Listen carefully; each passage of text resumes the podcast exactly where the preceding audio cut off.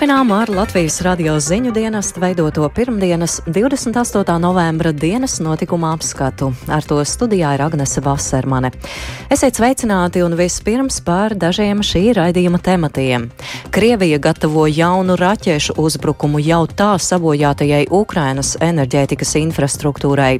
Ziemeļu un Baltijas valstis sola Ukraiņiem papildu palīdzību ziemas pārlaišanai runāšu ar mūsu Latvijas energo, vai mēs varam arī palīdzēt un atrast vēl kaut vai. Kā mums uh, nedaudz ir tāda ironija, teica, kaut vai muzejā kādu transformatoru, jo nu, ir ļoti liela postījuma nodarīti apakšstacijā. Latvijā nozares ir gatavas gaidīt jaunu valdību kaut līdz Ziemassvētkiem veidošanai jābūt kvalitatīvai, un to mēs katrs gribam, lai valdība ir kvalitatīva. Nu, arī es varbūt biju pie tiem, kas uzskatīja, ka nu, tam procesam ir jānoris ātrāk. Latgalē cilvēki aktīvi izmantoja iespēju bez maksas vakcinēties pret gripu. Pošu sāk pietrūkt. Slimo, kā viņi slimoja, tā ir slimo. Tagad jau gripa nāks, protams, būs vairāk. Ja tāda iespēja ir, tad tā ir jāizmanto. Esmu pensionārs, dzīvoju te, bet vakcinējos Daugopilī. Un aizbildinoties ar sabiedrības sūdzībām no Rotko centra Daugopilī, aizvāc provokatīvu mākslas darbu, iesaistījusies arī doma. Tur pie krusta pielīmējis, es atvainojos, divu loceklis. Ja? Mēs parunājam ar Marko centra vadītāju, un viņš piekrīta, ka Daugavpils nav gatavs tādai izstādī. Par šiem un vēl citiem tematiem tūdaļ arī plašākā izklāstā.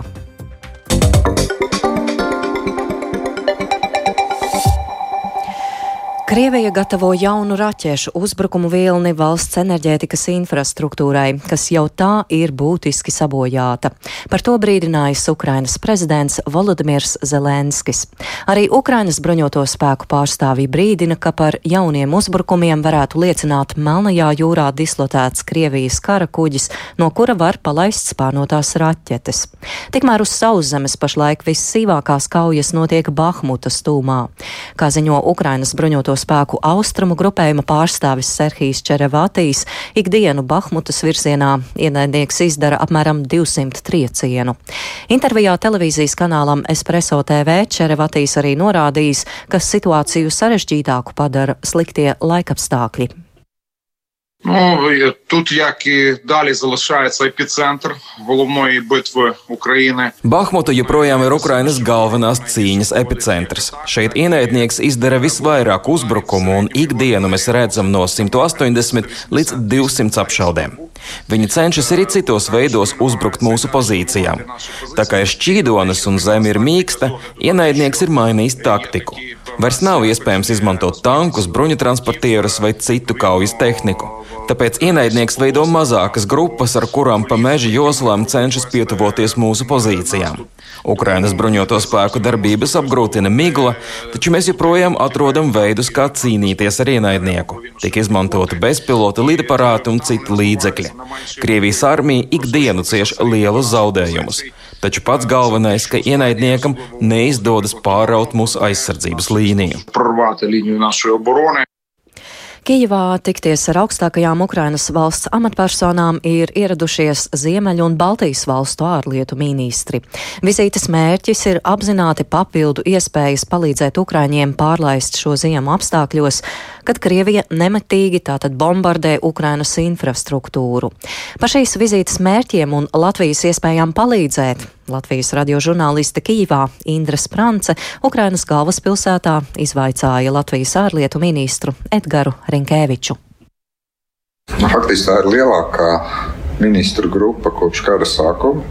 Zemē Baltijas valstu ministri, kas apmeklē Ukrajinu un kas tiešām nodod vēsti, ka Ziemeļbaltijas reģions Eiropā ir ne tikai vienots atbalstā Ukraiņai, bet ir gatavs arī aktīvi iestāties lai turpinātu palīdzēt Ukraiņai. Tur ir tagad trīs virzieni. Pirmais - militārais, otrais, ko es jau teicu, atbalsts uh, ekonomiski, atbalsts uh, dažādā veida palīdzība energoapgādes sistēmai. Un trešais, ko mēs arī nopietni diskutējam, ir, un es redzu, ka sāk veidoties, lai arī ir vēl zināma viedokļa atšķirība, sāk veidoties kopīga nostāja par starptautisko tribunālu agresijas noziegumu izmeklēšanai. Vai ir skaidrs, vai ir redzams, ka kas, kur arī Latvija var piedalīties vēl vairāk, un varbūt jūs varētu iezīmēt, kas tas ir? Latvija var pilnīgi noteikti meklēt un atbalstīt Ukrainu ar ģeneratoriem. Saskaņā ar tiem datiem, kas ir manā rīcībā, mēs jau esam nosūtījuši 54 ģeneratorus. Tie ir svarīgi gan slimnīcām, gan skolām, gan arī Ukraiņas siltumapgādes uzņēmumiem. Jo tie ģeneratori tiek izmantot, lai ražotu pēc tam siltumu. Ūdens padevi nodrošināt elektrību kritiskai infrastruktūrai, kas ir slimnīcas, kas ir skolas, bērndārs. Un šeit, atgriežoties Rīgā, es arī runāšu ar mūsu Latvijas energo, vai mēs varam arī palīdzēt un atrast vēl kaut vai. Kā mums nedaudz ar tādu ironiju teica, kaut vai muzejā kādu transformatoru, jo kopš 10. oktobra, kad Krievija ir sākusi mērķiecīgi iznīcināt Ukraiņas energosistēmu, nu, ir ļoti liela postījuma nodarīti apakšstacijām, un Ukraiņiem vajag transformators, kurus nemaz tik vienkārši nevar atrast pasaulē. Tos tā tik vienkārši neuzražos un viņi meklē to šobrīd visā pasaulē. Baltijas un Ziemeļvalstu ārlietu ministri, es domāju, arī diezgan vienoti kaut kādā tādā politiskā atbalstā Ukrainai. Un es gribēju vaicāt par to devīto sankciju kārtu. Teiksim, kas ir tās lietas un cik tas varētu būt efektīvi uz priekšu? Nu, ziniet, mēs vienmēr gribam efektīvākas un stingrākas sankcijas. Tajā brīdī, kad jums ir 27 Eiropas Savienības dalība valsts ar dažādu izpratni ar dažādiem viedokļiem, panākt ātrus risinājumus ir diezgan pagrūti. Vēl viena lieta, redz, tāda politiska sankcija līmeņa politikā mums nav domstarpība. Bet, piemēram, mums joprojām ir diskusijas, kā labāk virzīt šo starptautiskā tribunāla ideju. Šeit vēl ir juridiski jautājumi, jābūt ģenerālās asamblējas lēmumam vai kādam nolīgumam, un šeit uh, arī diskusijas iekšēnē notiek. Kāda ir Latvijas nostāja šajā? Kas ir tas, ko jūs gribētu? Mēs Kādā gribētu veidā? šobrīd pirmkārt, lai šāds starptautiskais tribunāls tiktu izveidots.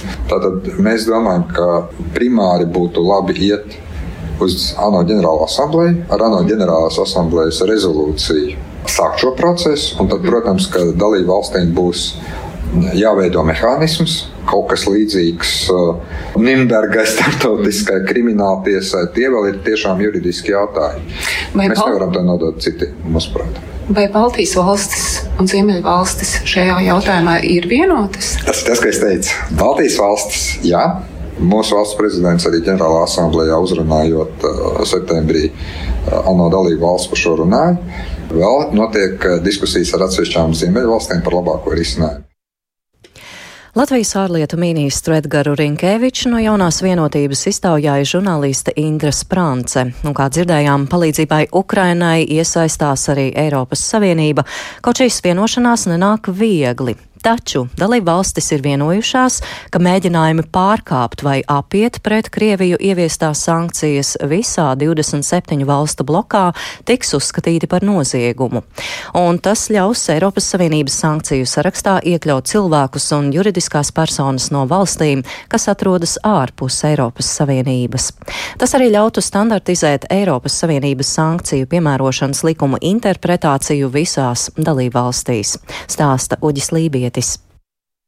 Kā norāda Eiropadomas prezidējošā valsts Čehija, pašlaik dalību valstis atšķirīgi interpretē to, kas tieši ir uzskatāms par ierobežojošo pasākumu pārkāpumu un kāds sots šāda pārkāpuma gadījumā būtu jāpiemēro. Tas palielina risku, ka sankcijas netiek ieviestas vienlīdz stingri vai arī rodas kārdinājums tās apiet. Tādējādi sankcijām pakļautās personas var arī turpmāk piekļūt saviem līdzekļiem vai atbalstīt sankcijām pakļautos režīmus. Sagaidāms, ka tagad Eiropas komisija izstrādās direktīvas piedāvājumu, kas tiks iesniegts dalību valstīm un Eiropas parlamentam. Ukrainas kaimiņu valstī Baltkrievijā ģenerāla prokuratūra ir nodevusi tiesai lietu pret cilvēktiesību centra Vjasna aktīvistiem. Viņu vidū ir arī šā gada Nobela miera prēmijas laureāts Aļesijas Beļatskis. Cilvēktiesību aktīvisti tiek apsūdzēti par ievērojamas naudas summas kontrabandu pāri robežai. Par šādiem noziegumiem draud 12 gadu cietumā. Turpina Uģis Lībietis. Cilvēktiesību aktīvistus paredzēts tiesāt par kontrabandu organizētā grupā un darbībām, kas rupji pārkāpj sabiedrisko kārtību. Baltkrievijas ģenerāla prokuratūra apgalvo, ka cilvēktiesību aktīvisti it kā no Baltkrievijas uz Lietuvu ir pārsūtījuši nedeklarētus 201 tūkstoši eiro un 54 tūkstošus ASV dolāru skaidrā naudā. Nobela miera prēmijas laureāts Aļais Beļāckis, kurš gadu desmitiem ir cīnījies par politieslodzīto tiesībām un kurš jau pašlaik atrodas ieslodzījumā, kā arī viņa līdzgaitnieki Valentīns Stefanovičs, Vladimirs Lopkovičs un Dmitrijs Solovjovs tiek apsūdzēti arī par to, ka ir apmaksājuši advokātu pakalpojumus un soda naudas par dalību politiskajos protestos represētajiem cilvēkiem.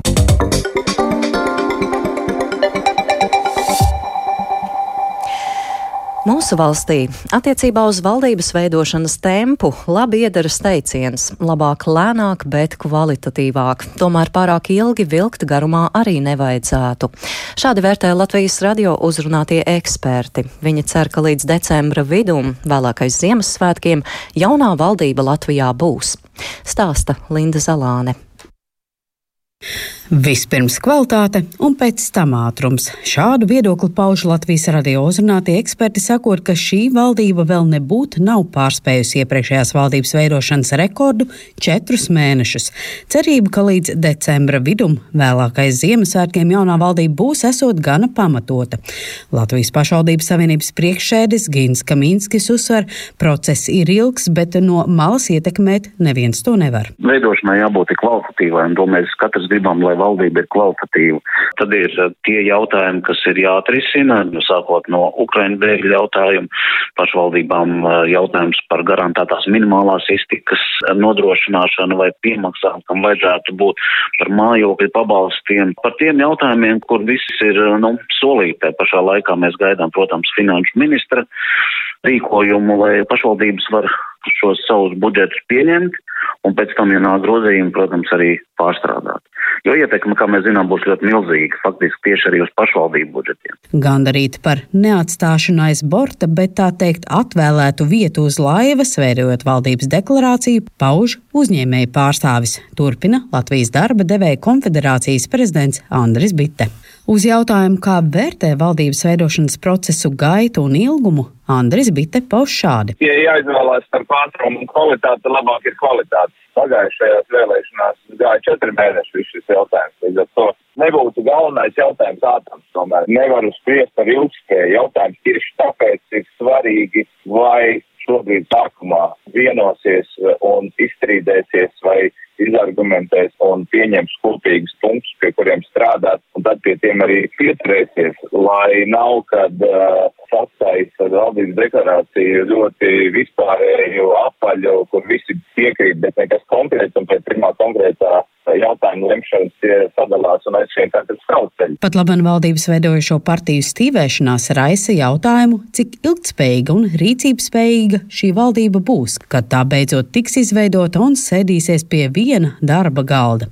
Latvijas Universitātes sociālo zinātņu fakultātes profesors politologs Juris Rozenvalds intervijā Latvijas televīzijai izteica šaubas. Es prognozēju, ka valdība izveidosies, bet vai tā būs ilglaicīga, teiksim, četrus gadus, par ļoti šaubos. Man liekas, ka Kariņa iepriekšējā Kariņa valdība pastāvēja tik ilgi nevis tāpēc, ka tā bija ļoti veiksmīga, bet tāpēc, ka nebija citu variantu. Bet katrā ziņā ir cerības, ka valdība būs līdz Ziemassvētkiem, tā kā vajadzētu, jo citādi kļūst nepiekāji. Darbs pie valdības deklarācijas turpinās arī šodien. To Latvijas radio apliecina apvienotā saraksta frakcijas priekšsēdētājs Edgars Tavars. Tā vienlaikus jāmin arī, ka tādi sarežģītākie izaicinājumu, bagātākie jautājumi vēl mums stāv priekšā.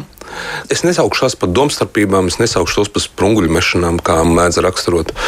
Es saukšu par to, ka kas katram ir šī prioritāte. Šodien notiek valdības deklarācijas veidošanas darba grupu sarunu otrais aplis politiķiem diskutējot par tiem punktiem, kas iepriekš dokumenta projektā bija palikuši tā teiktais strīpas. Linda Zalāne, Latvijas radio. Turpinoties cenu kāpumam valstī, plānot savu budžetu daudziem kļūs par izaicinājumu. Kā ar to tiek galā tehnikumu un koledža audzēkņi? Uz tehnikumu Kandavā raudzīt brauca žurnāliste Ieva Puķe. Astoņi topošie automehāniķi Kandavas lauksaimniecības tehnikuma kopmītņu virtuvē nepilnu stundu garajā pusdienu pārtraukumā atskrējuši uztaisīt maltīti. Kas šodien ēdienkartē? Maikls uzcepis gatavās kartupeļu bumbiņas no lielveikala. Kirilam gan tikai frī, pat bez kečupa vai majonēzes. Puskilograms frī pusdienās, puisis saka. Viņam arī vismazākais nedēļas budžets no visiem - 20 eiro. Tātad par 4 eiro katru darba dienu jāpēd 3 ēdienreizes. Arī skolas ēdnīcā cenas it kā nav augstas. Piemēram, makaroni ar gaļu maksā eiro 75 centus, bet manis satiktie pirmkursnieki turējot reti, gara rinda un nemanot varot iztērēt vairāk nekā atļauj maciņš. Citi puiši tomēr piemin lielākus nedēļas izdevumu ciparus - no 30 līdz 50 eiro. Direktors vietniece audzināšanas darbā Ilze Ozola, kas mani aizvedusi līdz kopmītnēm, komentē: Pirmā kursa audzēkņi šogad izteikti čakli taisa sev ēst, acīm redzot, lai savilktu galus kopā. Jā, pašai bija audzināmais kurs. Pagājušajā gadā beidza. Man bija meitene. Viņa teica 15 eiro nedēļā. Mm -hmm. Tā kā viens mm. tā. Zēniem bišķiņ klāt, nu tomēr, bet divas reizes, bet nu divreiz dārgāk. Profesionālo izglītības iestāžu audzēkņiem privileģētu stāvokli attiecībā pret vidusskolēniem dod stipendija, kas varējas robežās no 15 līdz 150 eiro mēnesī, bet maksimālo summu saņemt ir gandrīz neiespējami, saka pirmkursnieki. Tiem, kam sekmes nav spīdošas, vai stundu kavējumi, jāsamierinās ar minimālo 15 eiro stipendiju, no kuras vēl atvelk maksu par kopmītnēm. Arī tā šogad nedaudz augusi - no 8 eiro uz 10. Tomēr par audzēkņiem, kuri ir projām no mājām, rūpējas arī pašvaldības, kur dzīvo viņu vecāki, saka direktore Dace Rozentāle. Šogad ļoti liels atbalsts ir no ļoti daudzām pašvaldībām, kuras ir mainījušas savus aizstošos noteikumus. Masurīgo ģimenēm, trīs plus ģimenēm, kā arī vecākiem, kur audzina vienus, ir šīs brīvpusdienas. Gribās to uzsvērt, ka tā ir Bauskas pašvaldība, kas ļoti, ļoti atbalsta savējos. Ļoti daudziem ir šīs brīvpusdienas, un audzēkņi pārējos mēs iesaistām projektā Pumpurs, kur ir šie ekonomiskie riski vai ar ģimeni saistītie riski, teiksim, apgrūtināt nokļūšanu izglītības iestādē, kur audzēkņiem tiek apmaksātas biļetes 30 eiro vērtībā mēnesī, kā arī pieejamas brīvpusdienas. Kandavas tehnikumā mācās jaunieši no visas kurzemes. Viņiem nedēļas nogalēs pieejams bezmaksas autobus līdz Tukumam, Saldum un Talsiem. Līdzīgi atbalsta pasākumi ir arī citos valsts pāraudzītajos tehnikumos un koledžās. Kā skaidro pašvaldību savienības padomniece kultūras un izglītības jautājumos Ināra Dundure, sešās pašvaldību dibinātajās profesionālās izglītības iestādēs, kas atrodas Jelgavā, Valmierā, Balvos, Dobelē, Zaļiniekos un Bebrenē, pusdienas visiem audzēkņiem ir par brīvu. Tāpat arī transports novada robežās. Valsts pāraudzītajās iestādēs, kādām pieder arī Kandavas tehnikums, Ināra Dundare iesaka aktīvi izmantot atbalsta programmas pumpurs līdzekļus. Kā atzīst Kandavas tehnikuma vadība, priekšstats par katru pirmkursnieku gan neveidojas uzreiz, un arī viņi paši bieži kautreiz citiem atklāt finanšu situāciju ģimenē un lūgt palīdzību. Ieva Puķe, Latvijas radio.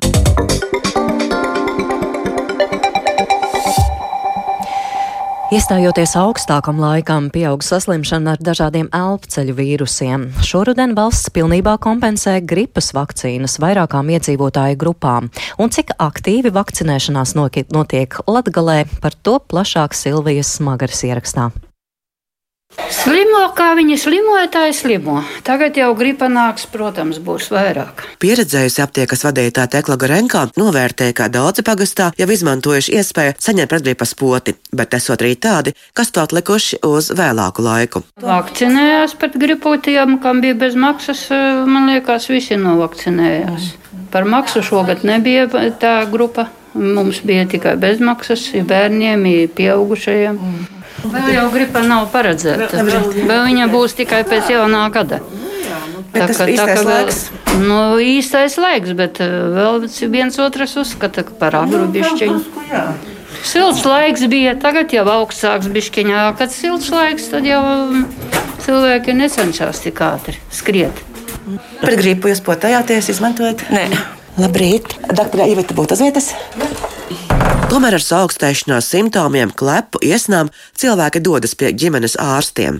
Pagaidām te spoģos oficiāli gripas gadījumi vēl nav fiksēti, bet vakcinēties tomēr vajadzētu stāsta doktore Iveta Grothere. Nu, es neteiktu, ka gripa ir vīrusu augšējā elpošanas ceļu vīrusu, bet kāds vīrusu grūti pateikt, jo viņi ir ļoti daudz. Ja? Šajā ārsta praksē bezmaksas iespēja vakcinēties pret gripu izmantojuši gandrīz visi, kam tāda iespēja bijusi. Cik jums potēs, teiksim, jūsu doktorātā sapotējās tagad? Pret gripu?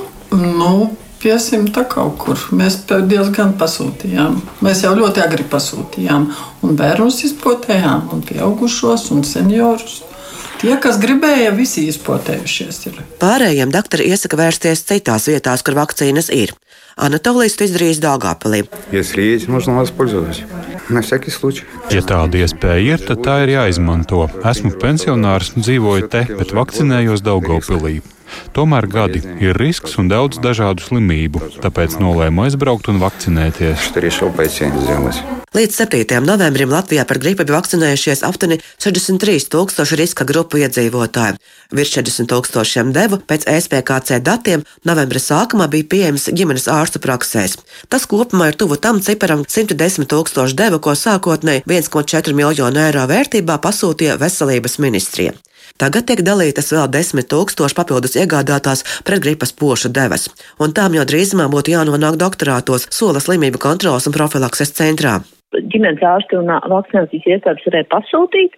Līdz pus novembrim bija saņemti tie pasūtījumi.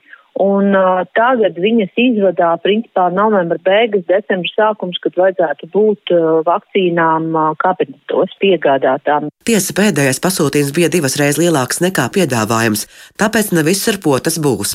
Arī spoģos vienā no ārsta praksēm vakcīnas beigušās un nav, bet otrā tieši intervijas dienā, kā stāsta aptiekas vadītāja Tekla Gorenko, pret gripas pošu partija ir ievesta. To atved centralizēta noliktavu, šodien pat atveda noliktavu. Ja ir vēlme vakcinēties pret gripu un cilvēku cilvēks ir grupā, kurā valsts 100% apmērā kompensē gripas vakcīnas, ir vērts atrast tuvāko vakcinācijas vietu un potēties, aicina mediķi.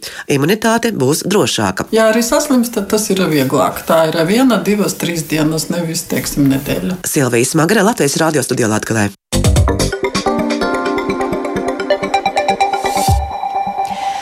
Paliekot turpat Latgalē, oktobra nogalē Rotko centrā ir atklāti pieci jauni izstāžu projekti, un viens no tiem - Igauņu keramiķa Sanders Raudsepa personāla izstāde - Nāvīga vēlme nonākt pēcnāvē. Tā raisīja neizpratni daļā apmeklētāju. Proti mākslinieks, piemēram, uz viena no darbiem ar nosaukumu Tavs alternatīvais Jēzus uz krusta, bija izvietojis un sazīmējis vīriešu dzimumu locekļus. Rotko mākslas centrs un Daugopils doma saņēmusi virkni reliģisko konfesiju, dažādu kultūras biedrību un iedzīvotāju vēstules ar šīs izstādes nosodījumu un aicinājumu ekspozīciju noņemt.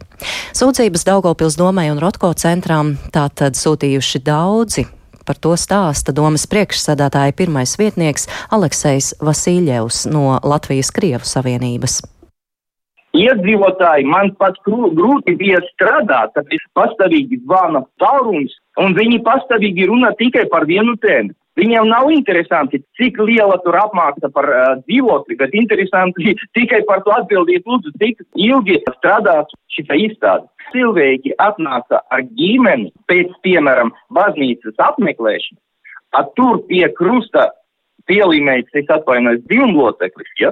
Mēs parunājam ar Marko Centrovu vadītāju, un viņš piekrīta, ka Daugavpils nav gatavs tādai izstādī. Mēs neaizliedzām visu izstādi. Tikai trīs eksponāti mēs paprasījām noņemt.